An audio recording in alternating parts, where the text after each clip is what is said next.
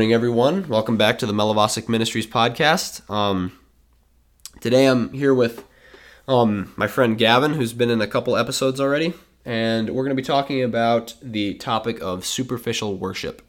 And I had the idea to talk about superficial worship because I was listening to a lecture by John MacArthur, and one of the things he said was that superficial um, superficial understanding of Scripture produces superficial worship. And I thought that was interesting because I look at a lot of, or you know, you, you look at a lot of churches today, um, more often than, well, not more often than not, but more often than it used to be. There are a lot of churches with a superficial understanding of Scripture, and I think it's greatly impacted the worship. And you can see that in the in the popular Christian songs that that are you know out today. A lot of them are not very theologically deep. They're not very connected with Scripture, and they're just you know very shallow and very superficial in it. So that's what sparked this, and so um, we're just gonna have a conversation about it about superficial worship. So, okay, Gavin. So um, you had something in mind that you want to talk about? Probably a good foundation to start off with. Go ahead. Yeah, so just to sort of give some of the biblical context for uh, this concern in the church today, um, I think some important passages are, are uh, one, obviously, we think of the words of Jesus where he says, uh, those who worship must worship uh, in spirit and in truth. So it's not only that we're that we're worshiping passionately. That's not the only thing that God requires of us. He also requires that we that our worship be grounded um, uh, in the truth uh, of His Word. And so uh, when we see a lot of worship today that is not grounded in the Word, that is based on emotions and and and and feelings and very shallow uh, concepts, um, we see worship that is falling short of that command to be grounded in the truth of God's word. Um, another passage is uh, 1 Corinthians 14, verses uh, 15 and uh, 16. He says, What am I to do? I will pray with my spirit, but I will pray with my mind also. I will sing praise with my spirit, but I will sing with my mind also. So, you know, it's not that we're just worshiping with our spirits, it's not that we're just being zealous and passionate. We're worshiping uh, in a way that engages our mind, that causes us to think about who God is and what He's done, um, and actually appreciate those things instead of just trying to create some shallow experience or emotion. Yeah, I like how you ended that. You know, it's not it's not about some emotional experience, but for I mean, for a lot of people, it is now, and I think it is for a lot of people who don't know that they are in fact relying on some emotional experience. To them, it seems very real, um, and to them, it seems like they're growing, quote unquote, closer to God in their, you know, in the in the morning worship session. When in reality, they just feel good because the song sounds good, mm-hmm. or whatever they're, you know, whatever they feel in their heart, you know, whatever it is. But they don't, you know, they wouldn't agree that they are relying on superficial emotionalism. They wouldn't say that, but you know. And anyway, all that to say, I think a lot of people are deceived about it. Um, and uh, a, a verse that I um, go to a, a pop or not a popular, but a well-known verse um, to sort of base why you know why we why we sing together, why the congregation in church sings together in the morning. Most churches do that before the before the Bible's preached. Is uh, Colossians three sixteen. This is just one of the verses. It says, um, "Let the word of Christ."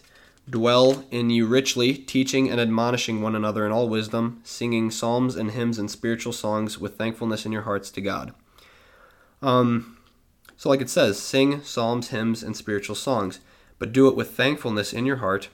And then the verse, of course, starts out with, "Let the word of Christ dwell in you richly."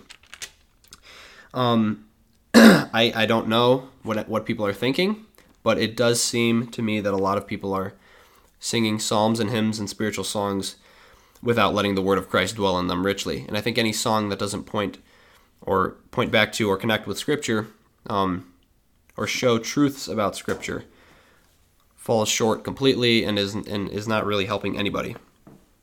Yeah, and even in that passage when it says, um, sorry, when it says that we ought to praise God with with gratitude in our hearts, um, it doesn't begin with gratitude. You can't just produce gratitude from nothing, which is really the attempt of a lot of these these worship songs is to produce feelings of gratitude and awe and comfort um, without any of the actual uh, content, uh, any of the message or the truth that brings those things.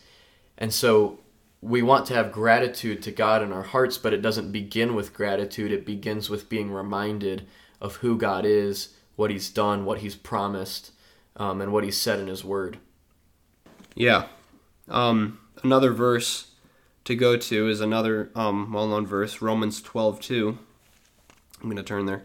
And this talks about worship, but it talks about worship in the context of your, like it says, your spiritual worship, not not your, um, not necessarily singing um, songs and, and praising God in that way, but but your whole life, you know, giving your life up to be sanctified and to submit your um, to submit your life to the will of God. That kind of worship, and what Romans 12, 2 says is, um, or what it says about this kind of worship is, uh, well, I'll just read Romans 1, 12 and, or Romans 12, 1 and 2. It says, I appeal to you, therefore, brothers, by the mercies of God, to present your bodies as a living sacrifice, holy and acceptable, um, holy and acceptable to God, which is your spiritual worship, right? Do not be conformed to this world, but be transformed by the renewing of your mind, that by testing you may discern what is the will of God, what is good and acceptable and perfect. So we're transformed, meaning we're being sanctified. Um, that's kind of what this little section is about. Um, we're being sanctified by the renewing of our mind. Um, I just I think that our mind plays an important factor in our um, in the way we worship our entire lives. So why wouldn't it um, play a big part, um, or a bigger part than um, what many people think it does um, when we're singing and praising God. I, I think many you know people you, you look around in many churches and you see everyone with their eyes closed and their hands lifted, um, and I just and that was something that was normal to me growing up in the charismatic church. That was a normal thing that people did, and it was interesting um, when I visited a Reformed church and I really saw for the first time. Um, people, you know, they, they took out their hymnals and they all read together and their eyes were wide open. They were kind of looking around and the, the emphasis was not just the words, but the but all of us singing together.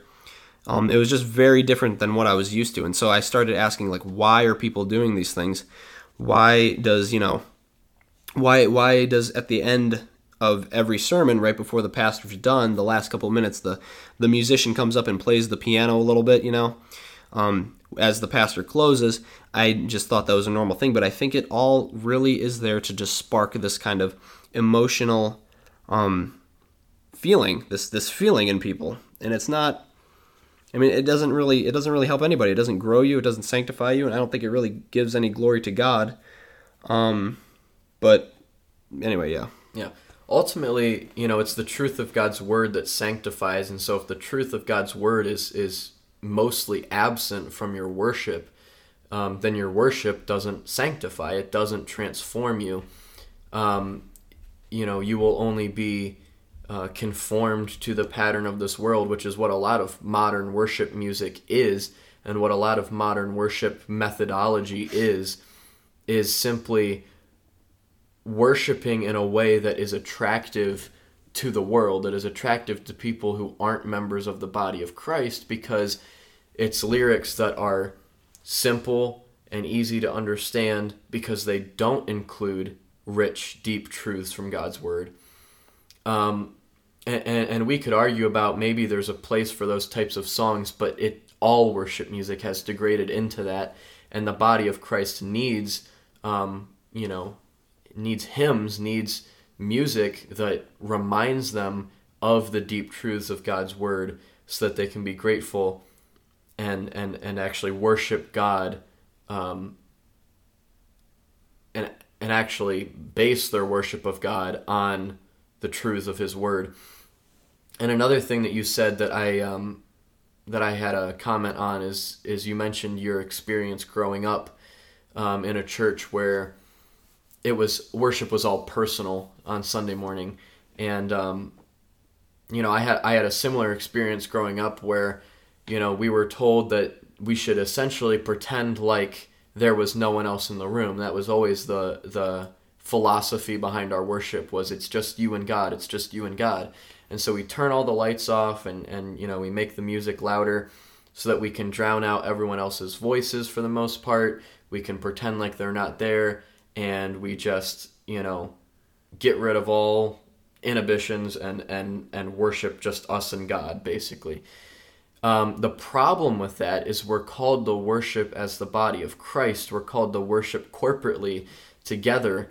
Um, and when we're um, all closing our eyes in an effort to pretend like others aren't there, um, or we're, um, you know, in some cases, people are even screaming out their own statements during the worship, they're not singing along and so what you have is a bunch of people saying different things, doing different things, and there's no order, there's no harmony to that worship. So it's not a, a, corporate worship as the body of Christ. It's it's a, a personal experience, or at least the pursuit of a personal experience. And ultimately, that's shallow, um, and it doesn't sanctify.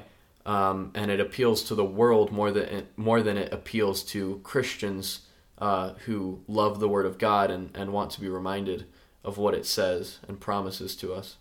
Yeah, yeah, we had the we had this similar experience in that way, and they always people always did that, man. People were always yelling out just phrases in the middle of a song. It's not even not even sometimes the people in the congregation, but the musicians too. They would just, you know, the lead singer would be, you know, lead singing, and the the bass guy would just yell a thing, and it's like you don't need to do that in the middle of this. Yeah. And so, you know, our not our, not me, but other Christians, you know, philosophy of, of morning worship is wrong. But there's that and then there's you know the songs that are being played aren't helping either. And i brought up a, a song that i actually used to listen to. Um, it's called in the river by jesus culture. And i and i hear i heard this song played all the time. It was all the time. And, and also uh, just a little side note jesus culture is like a uh, offshoot of of bethel's worship team. So that should tell you a little something something. If it's jesus culture. Um, but anyway Jesus culture. Um, so they wrote a song, or someone did. Someone wrote this song, and I just want to read a couple of the lyrics. Not a couple. I might. Well, it's a short song. I might read. I might read some of the lyrics. So it goes. There is a river where goodness flows. There is a fountain that drowns sorrows. There is an ocean deeper than fear. The tide is rising, rising. there, there is a current stirring deep inside it's overflowing from the heart of God. The flood of heaven crashing over us. The tide is rising. Rising. Then it, you know, then there's the bridge. It says, "Bursting, bursting up from the ground, we feel it now. Bursting, bursting up from the ground, we feel it now." And then the chorus is, "We come alive in the river." Times four, um, and then that's kind of like the first half of the song. And you know, any any normal person reading that would go, what are you what the heck are you talking about? What what like where does this where does this glorify god? It mentions god one time but it says there is a current stirring deep inside that's flowing from the heart of god. If if you know i think that if if someone who wasn't a christian who who was not you know didn't grow up in church wasn't you know influenced by any sort of christian ministry at all um listen to this song they would think it was written by you know some some fishermen or something because it's uh, it's about a river. That's all it is. It's about a river. It's about a fountain. But these but these are the kinds of songs that are being played, um, and these are the kinds of songs that that people are are trying to praise God with.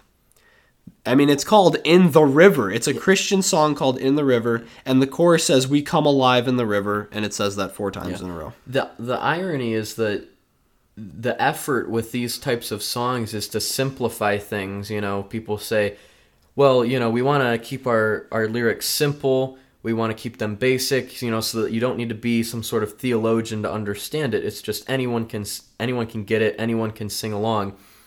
But in doing that, they simplify it so much that not only is it unrecognizable when compared to anything biblical, but it simply doesn't mean anything. So anyone who's being honest cannot understand it because it's simplified so much. And so when you when you try to subtract uh, and simplify God's word um, in order to make it easier for everybody else, um, you know, in that effort, they actually end up uh, making it even more confusing because the words that they're singing don't mean anything.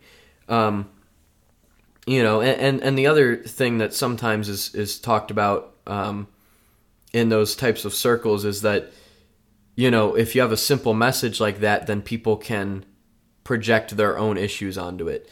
So because the song isn't specific, somebody could apply it to their own issues and just you know and they say well maybe that's the song that they really need to hear right now and it's just comforting in their situation and you know so so since these lyrics are all simple and vague people can just insert their own story into it. But the problem with that is then your worship is not based on God's word your worship is based on your experiences. What you're doing is instead of saying I want to be reminded of God's word you know the what he's done what he's what he's promised who he is you're saying I want to insert my own experience into this song and and and gain some sort of superficial comfort from from singing the song and, and, and trying to apply it to my own personal situation. Yeah. I found the um I found the I mean, by the way, like when I look back on the lyrics of that song, um I mean, it, it's egregious. I mean, it's just so lacking of anything that would make would make sense being, you know, being played during, you know, during a church service. But I brought up the I found the MacArthur quote. I don't even know if this is the same quote, but I think it's pretty good. He said, "Your worship is informed by your understanding of the revelation." Your worship only goes up as high as it goes down, because the deeper you go into the truth about God, the higher you go in worship. Superficial knowledge of God leads to superficial worship. There it is. Um, and he says, and then people need to be manipulated. So yeah, I think is a I think he um, he's he's talked quite a bit. MacArthur has on on the the shallowness of the church now, um, but uh, yeah. So well, and, and like he said, you know, once your understanding of God becomes superficial and your worship becomes superficial, um, and that's all you're left with is the shallow worship experience, then that gives wicked men who may not even know that they're deceived themselves, that gives them the opportunity to then insert their own truths that often are not biblical, um, often contradict what Scripture says, and they insert their own truths then because these people aren't basing their worship upon the truths of God God's word all they have is this superficial worship experience. So then the pastor or preacher gets to build back up their theology but just full of his own thoughts and opinions um, that are often contrary to the word of God. Yeah. Yeah, it gives it gives people a lot of room for error. If you have a, you know, I mean, my what is my what is my river if I'm listening to that song? We come alive in the river. What what is the river and what does it mean to come alive? Maybe it means you know trying to speak in tongues, and in the river is you know I don't even know. I mean, it could like you said, it could it could mean anything to anyone because it's just left open to your own interpretation. There's another uh, there's another song on the other end of things that I love. And this is the kind of show, I mean, this is one of the songs that I think is very um, biblically rich. I think it's very theologically rich, but it's not a hymn. And I'm not like a hymns only person, although I really appreciate hymns and I, I love them. I love to read them.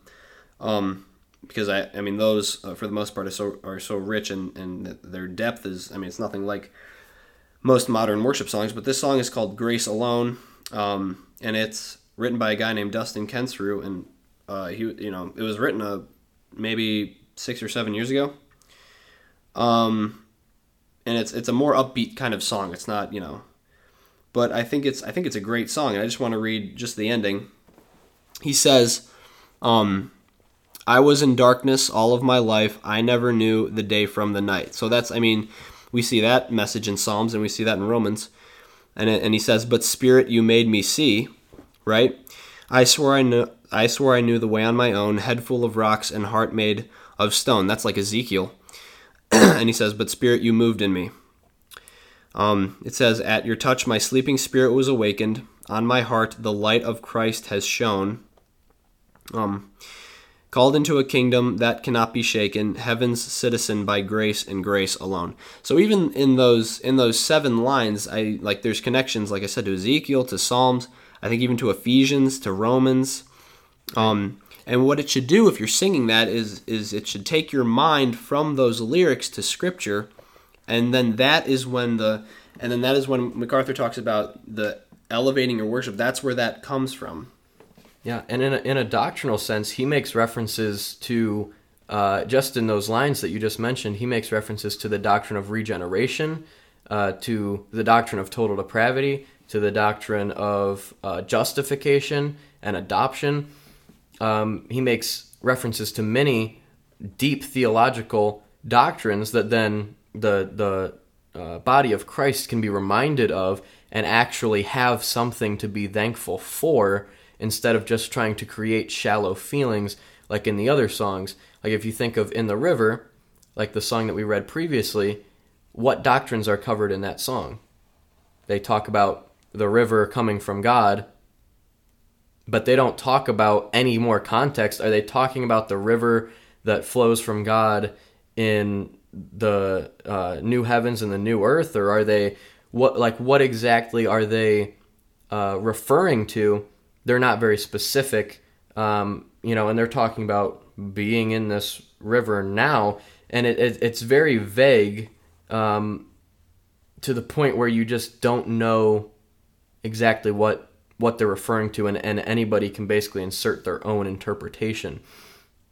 Um, and the other thing that I, I would like to point out to contrast the two songs is that I think how people choose to write their worship songs says something about how they view scripture. Because, again, in the case of In the River, which is, you know, Jesus culture, which comes from Bethel Church, um, you know, so uh, so in the song "In the River," the meaning of of the words um, is ambiguous. It's it's vague. People can insert their own interpretation. Um, you know, it's kind of kind of up to the the reader or the hearer of these lyrics to decide what it means. In the case of the other song, the meaning is very clear. The meaning connects directly to scripture, so it's it's it's undeniable, you know, what he means at each at each point the point or the argument that he's making you know is clear. Um, and and so people can can hear that and actually understand it and and um, and sing along and, and worship God engaging their mind. Um, and so we have in these two songs where in one case they have an ambiguous meaning and in the other case they have a clear meaning and I think it says something about how they view scripture because in the types of, of churches where something like in the river would be sung, what you hear a lot is, you know, well, this is what this passage means to me, you know, and and when you bring up theology, people say, well, everyone has their own interpretation, but you know, in in you know circles like where you would hear grace alone in those types of churches, it's um, the philosophy of simply taking scripture at its word. It means what it says, its meaning is objective, um, and, and, we need to seek to understand it uh, at face value and not insert our own meaning into it. And so, um, I think the the view of scripture and then the the method of writing worship songs sort of goes hand in hand there, um, and, and is an interesting parallel. Yeah, and Grace Alone, like I said, is a much more upbeat song. And so, you know, people that um, criticize um, the the peop- the group of people that criticize um, people that that practice what we would call superficial worship tend to get um, pigeonholed. Is that the right word? Into the category of people that hate music um, and are just hymns only, but hymns without a piano or an organ, hymns with just you know the the old you know the the just the choir right? Now but but grace alone is a more upbeat song but uh, the reason for for the hymns only group of people is because the the puritans mainly were um i mean they followed their convictions like you said that scripture was important enough and they viewed scripture high enough to to to make it so that that's what they would be singing and that's what they would be reciting and memorizing. Those were the lyrics. The lyrics were not scripture itself but the lyrics reflected not only uh, connections directly to scripture but doctrines that we see in scripture like you pointed out.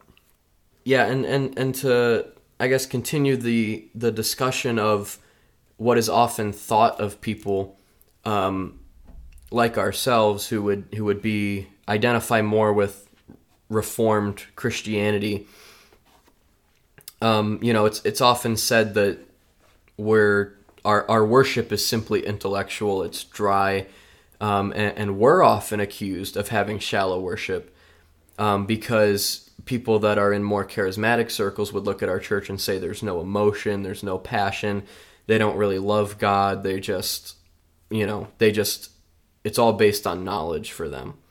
Um, you know, but then we would look at their churches and the way that they worship and we would say, well, it's, it's, you know, superficial or it's shallow because um, there is no knowledge of who God is, uh, or there's little knowledge at least, um, because in their worship there's no deep truths being presented.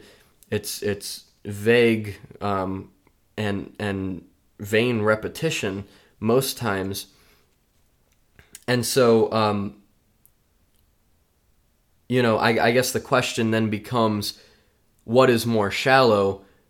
worshiping with emotions that are, are based on the truth, um, but are sometimes not expressed as um, what would be the word expressed as outwardly expressed as as as um, wildly in some cases hmm.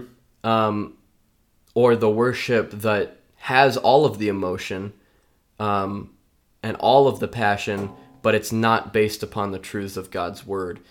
Because ultimately, that's not what sets proper worship apart, because people of all religions worship passionately. People of all religions feel some sort of emotion when they worship. The question isn't, are, do you feel emotions when you worship or not? We're all human, obviously. We're, we're, we're feeling emotions, we're responding um, emotionally and spiritually to the things that we're singing, the question is only is your worship based upon the truth of God's word or not? Um, and if it's not, that's not Christian worship.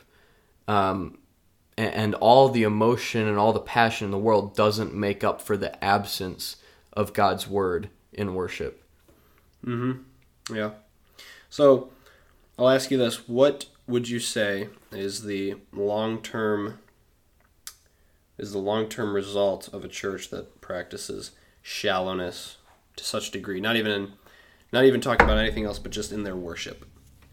Well, I mean, I think um, as we talked about earlier, their their shallow worship says something about uh, their view of Scripture. It says something about um, it says something about their doctrinal understanding.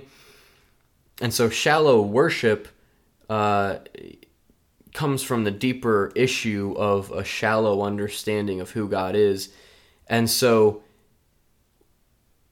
ultimately, a congregation that's engaging in shallow worship um, is going to be a congregation that is not uh, edified um, and built up in their understanding in the way that they could be, um, if assuming that these people are truly in Christ, um, they will see little progress in their sanctification because they're not being reminded of the truths of God's word, which is what sanctifies us. Um, they're simply having shallow emotional experiences.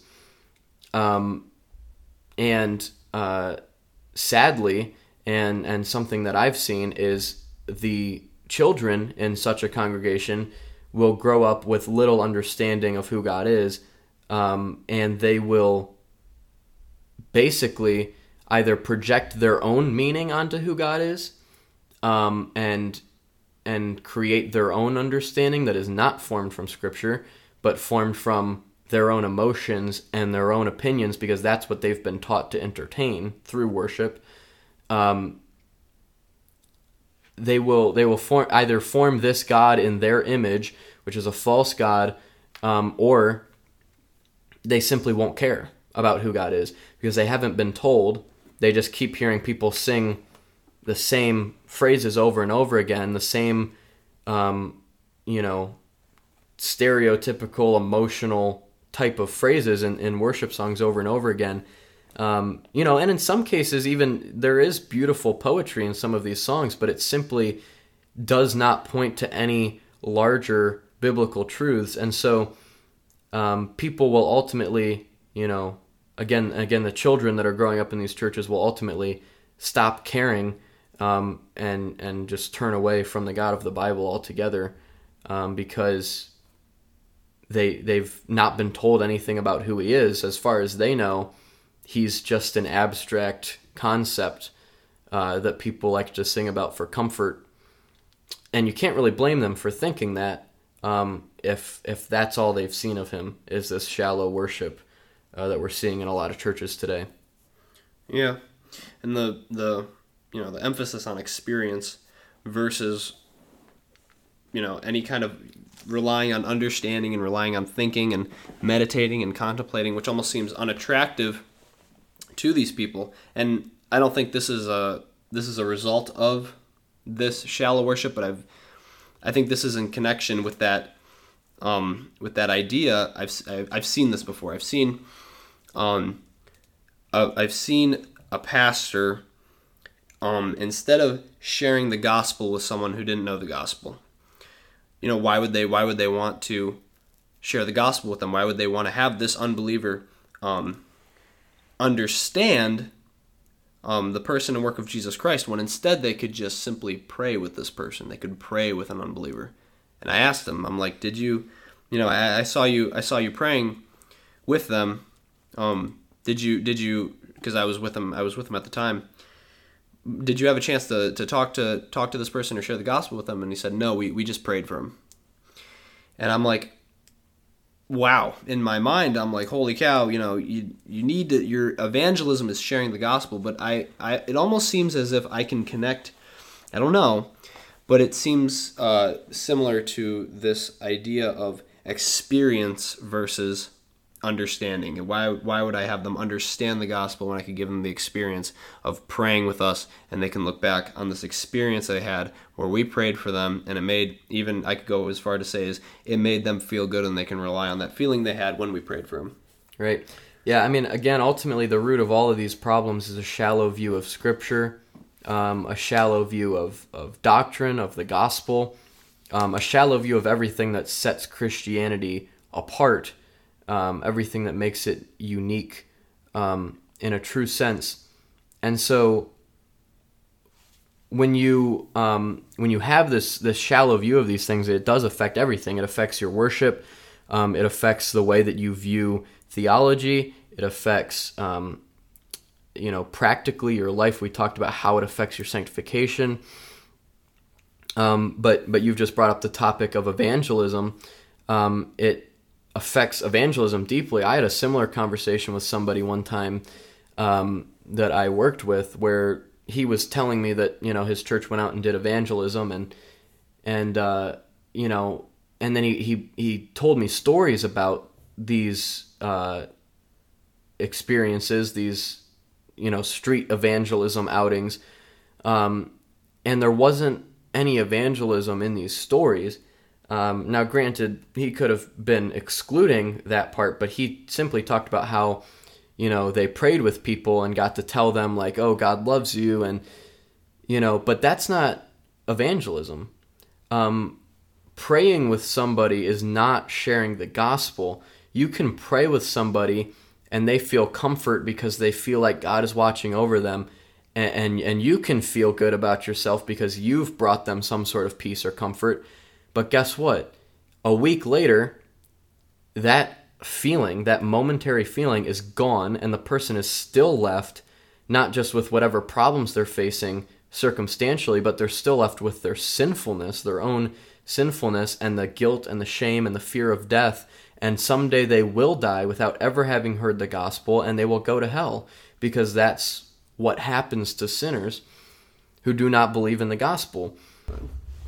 So if we if we pray for somebody or if, if we talk to them and, and offer them some temporary comfort from their struggles, it ultimately does no eternal value because they haven't been told the gospel. They haven't been told about the severity of their sin, the wrath of God, what God did so that uh, guilty men may be forgiven for their sins. And so ultimately, anything short of sharing the gospel um, is not effective for salvation, and so it's not of any eternal value. Yeah, so we see it in evangelism too, and like you said, it has a deeper root, um, and that's your view of Scripture, mainly your view of you know, do you how important is the Word of God to you? You know, it's it has its um, offshoots in evangelism, like we talked about worship, certainly in preaching. My goodness, some of these preachers, quote unquote, just fire off motivational speeches or these, you know, horrible. Just I don't even. We won't even get. We won't get into preaching um, but mainly, our our topic of conversation is worship and how it's just it's horrible in worship today. This idea of shallowness and superficiality. Yeah, um, I actually have another story from my youth, you could say, about uh, a time where I experienced a form of superficial worship and and uh, you know, it's a, it's a bit of an ironic story now looking back. But you know, this one time we had a revival service at my church, and again, I, I grew up in a more uh, charismatic environment, and so we had a uh, revival service, and there was this Southern gospel band that was playing. You know, some older guys with like I think they had you know guitars, and they might there might have even been a banjo involved. I'm not sure, but they were going for it. You know, and uh, you know, I, I, was usually into the the charismatic worship, like you know, all of the you know superficial emotionalism that we talked about. Um, I was usually into all of that at the time, but um, but during this service, for some reason, uh, at, le- at, least while this band was playing, I was just sitting down, uh, and I wasn't really involved. And I remember uh, the lead singer of that band. They finished their set or their song, and he said something along along the lines of if you're not feeling the spirit right now, then you must be a Baptist. And I felt convicted at the time because I was thinking like like oh no, I'm not feeling the spirit and so something's wrong with me, you know, or I'm or I'm neglecting the spirit or or quenching the spirit as, or as worse, we say sometimes. Baptist. Or worse, I'm a Baptist. God forbid, right?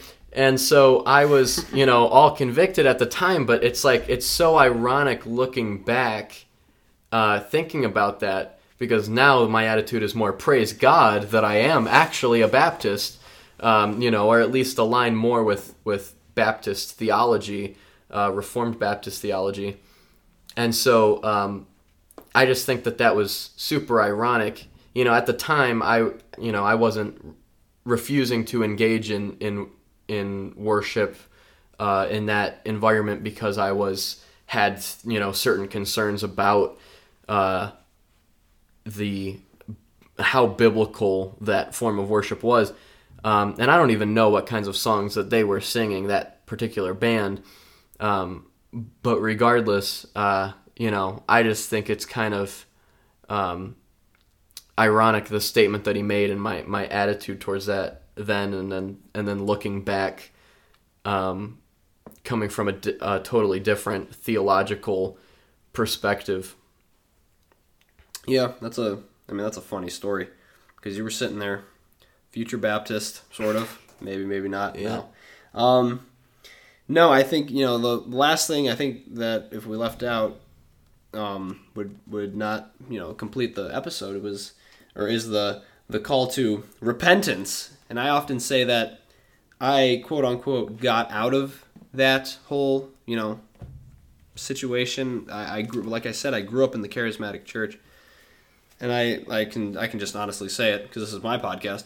I think the charismatic church is just riddled with this shallowness. I mean, obviously it's riddled with um, some some doctrinal flaws, um, but uh, you know also in that area it's just it, it has a, it has a lot of shallowness in its worship and preaching. And I grew up in that, and I and I often say kind of jokingly, but also not, that I quote unquote got out of it. But honestly, I think when I say that, that's just another way of saying I've repented of it. Um, and so I think that there has to be this huge repentance um, of people who who are in this and who affirm this and who support this and who um, who, who advance this um, this just shallowness of worship because it's not something that kind of just happens. It's something that people are advancing and trying to elevate over um, the opposite, which would be um, biblical worship. Yeah. So, Well, and and as you were just saying, if you are in a church where their worship is shallow, it's not founded upon the truths of God's word, the gospel is not centric uh, to their worship, and we're not denying that there are some churches that would identify as as charismatic or or even Pentecostal or things like that who make the gospel and make the word of God ce- central uh, to their worship, um, but it's simply not um, typical of these churches, uh, at least not today. And so, if you are a Christian who believes God's word and values it as you ought to, and you and you value the gospel as you ought to, um, then in, at least encourage your church to start putting it at the center of your worship where it's supposed to be, um, and not to engage in this shallow worship. Um, and if your church continues on in that shallow worship, I would encourage you to leave and to go to a church where their worship is centered um, and based upon the Word of God and the gospel of Jesus Christ, um, so that you will be edified and sanctified um, in uh, your understanding um, and in your appreciation for, again, who God is and what He's done and what He's promised to do. yeah, amen. That is a you know, that's a great encouragement, and I'm and you know I think every I think every church, whether or not doing it right or wrong, needs to examine itself in every in every aspect in preaching and worship and in, in ministry in, or in evangelistic ministry, everything. But with worship, I think every church needs to examine itself now and again, saying, "Are we doing this?" You know, with the foundation being the Word of God. So, you know, I think like everyone listening should also examine how they worship um, and not just say, well, it's just the way we've been doing it, you know, and I like it, so it's correct. I'm going to run with it. Um, we need to constantly ex- examine how we do it to see if there's anything that we're doing wrong. Um, all out of love for the Word of God and the God of the Word, right? Amen. So, with that, um, uh, if you're still a fan of this podcast, I uh, would hope you tune in to the next one, the next episode. Um, and that'll be it. Toodles.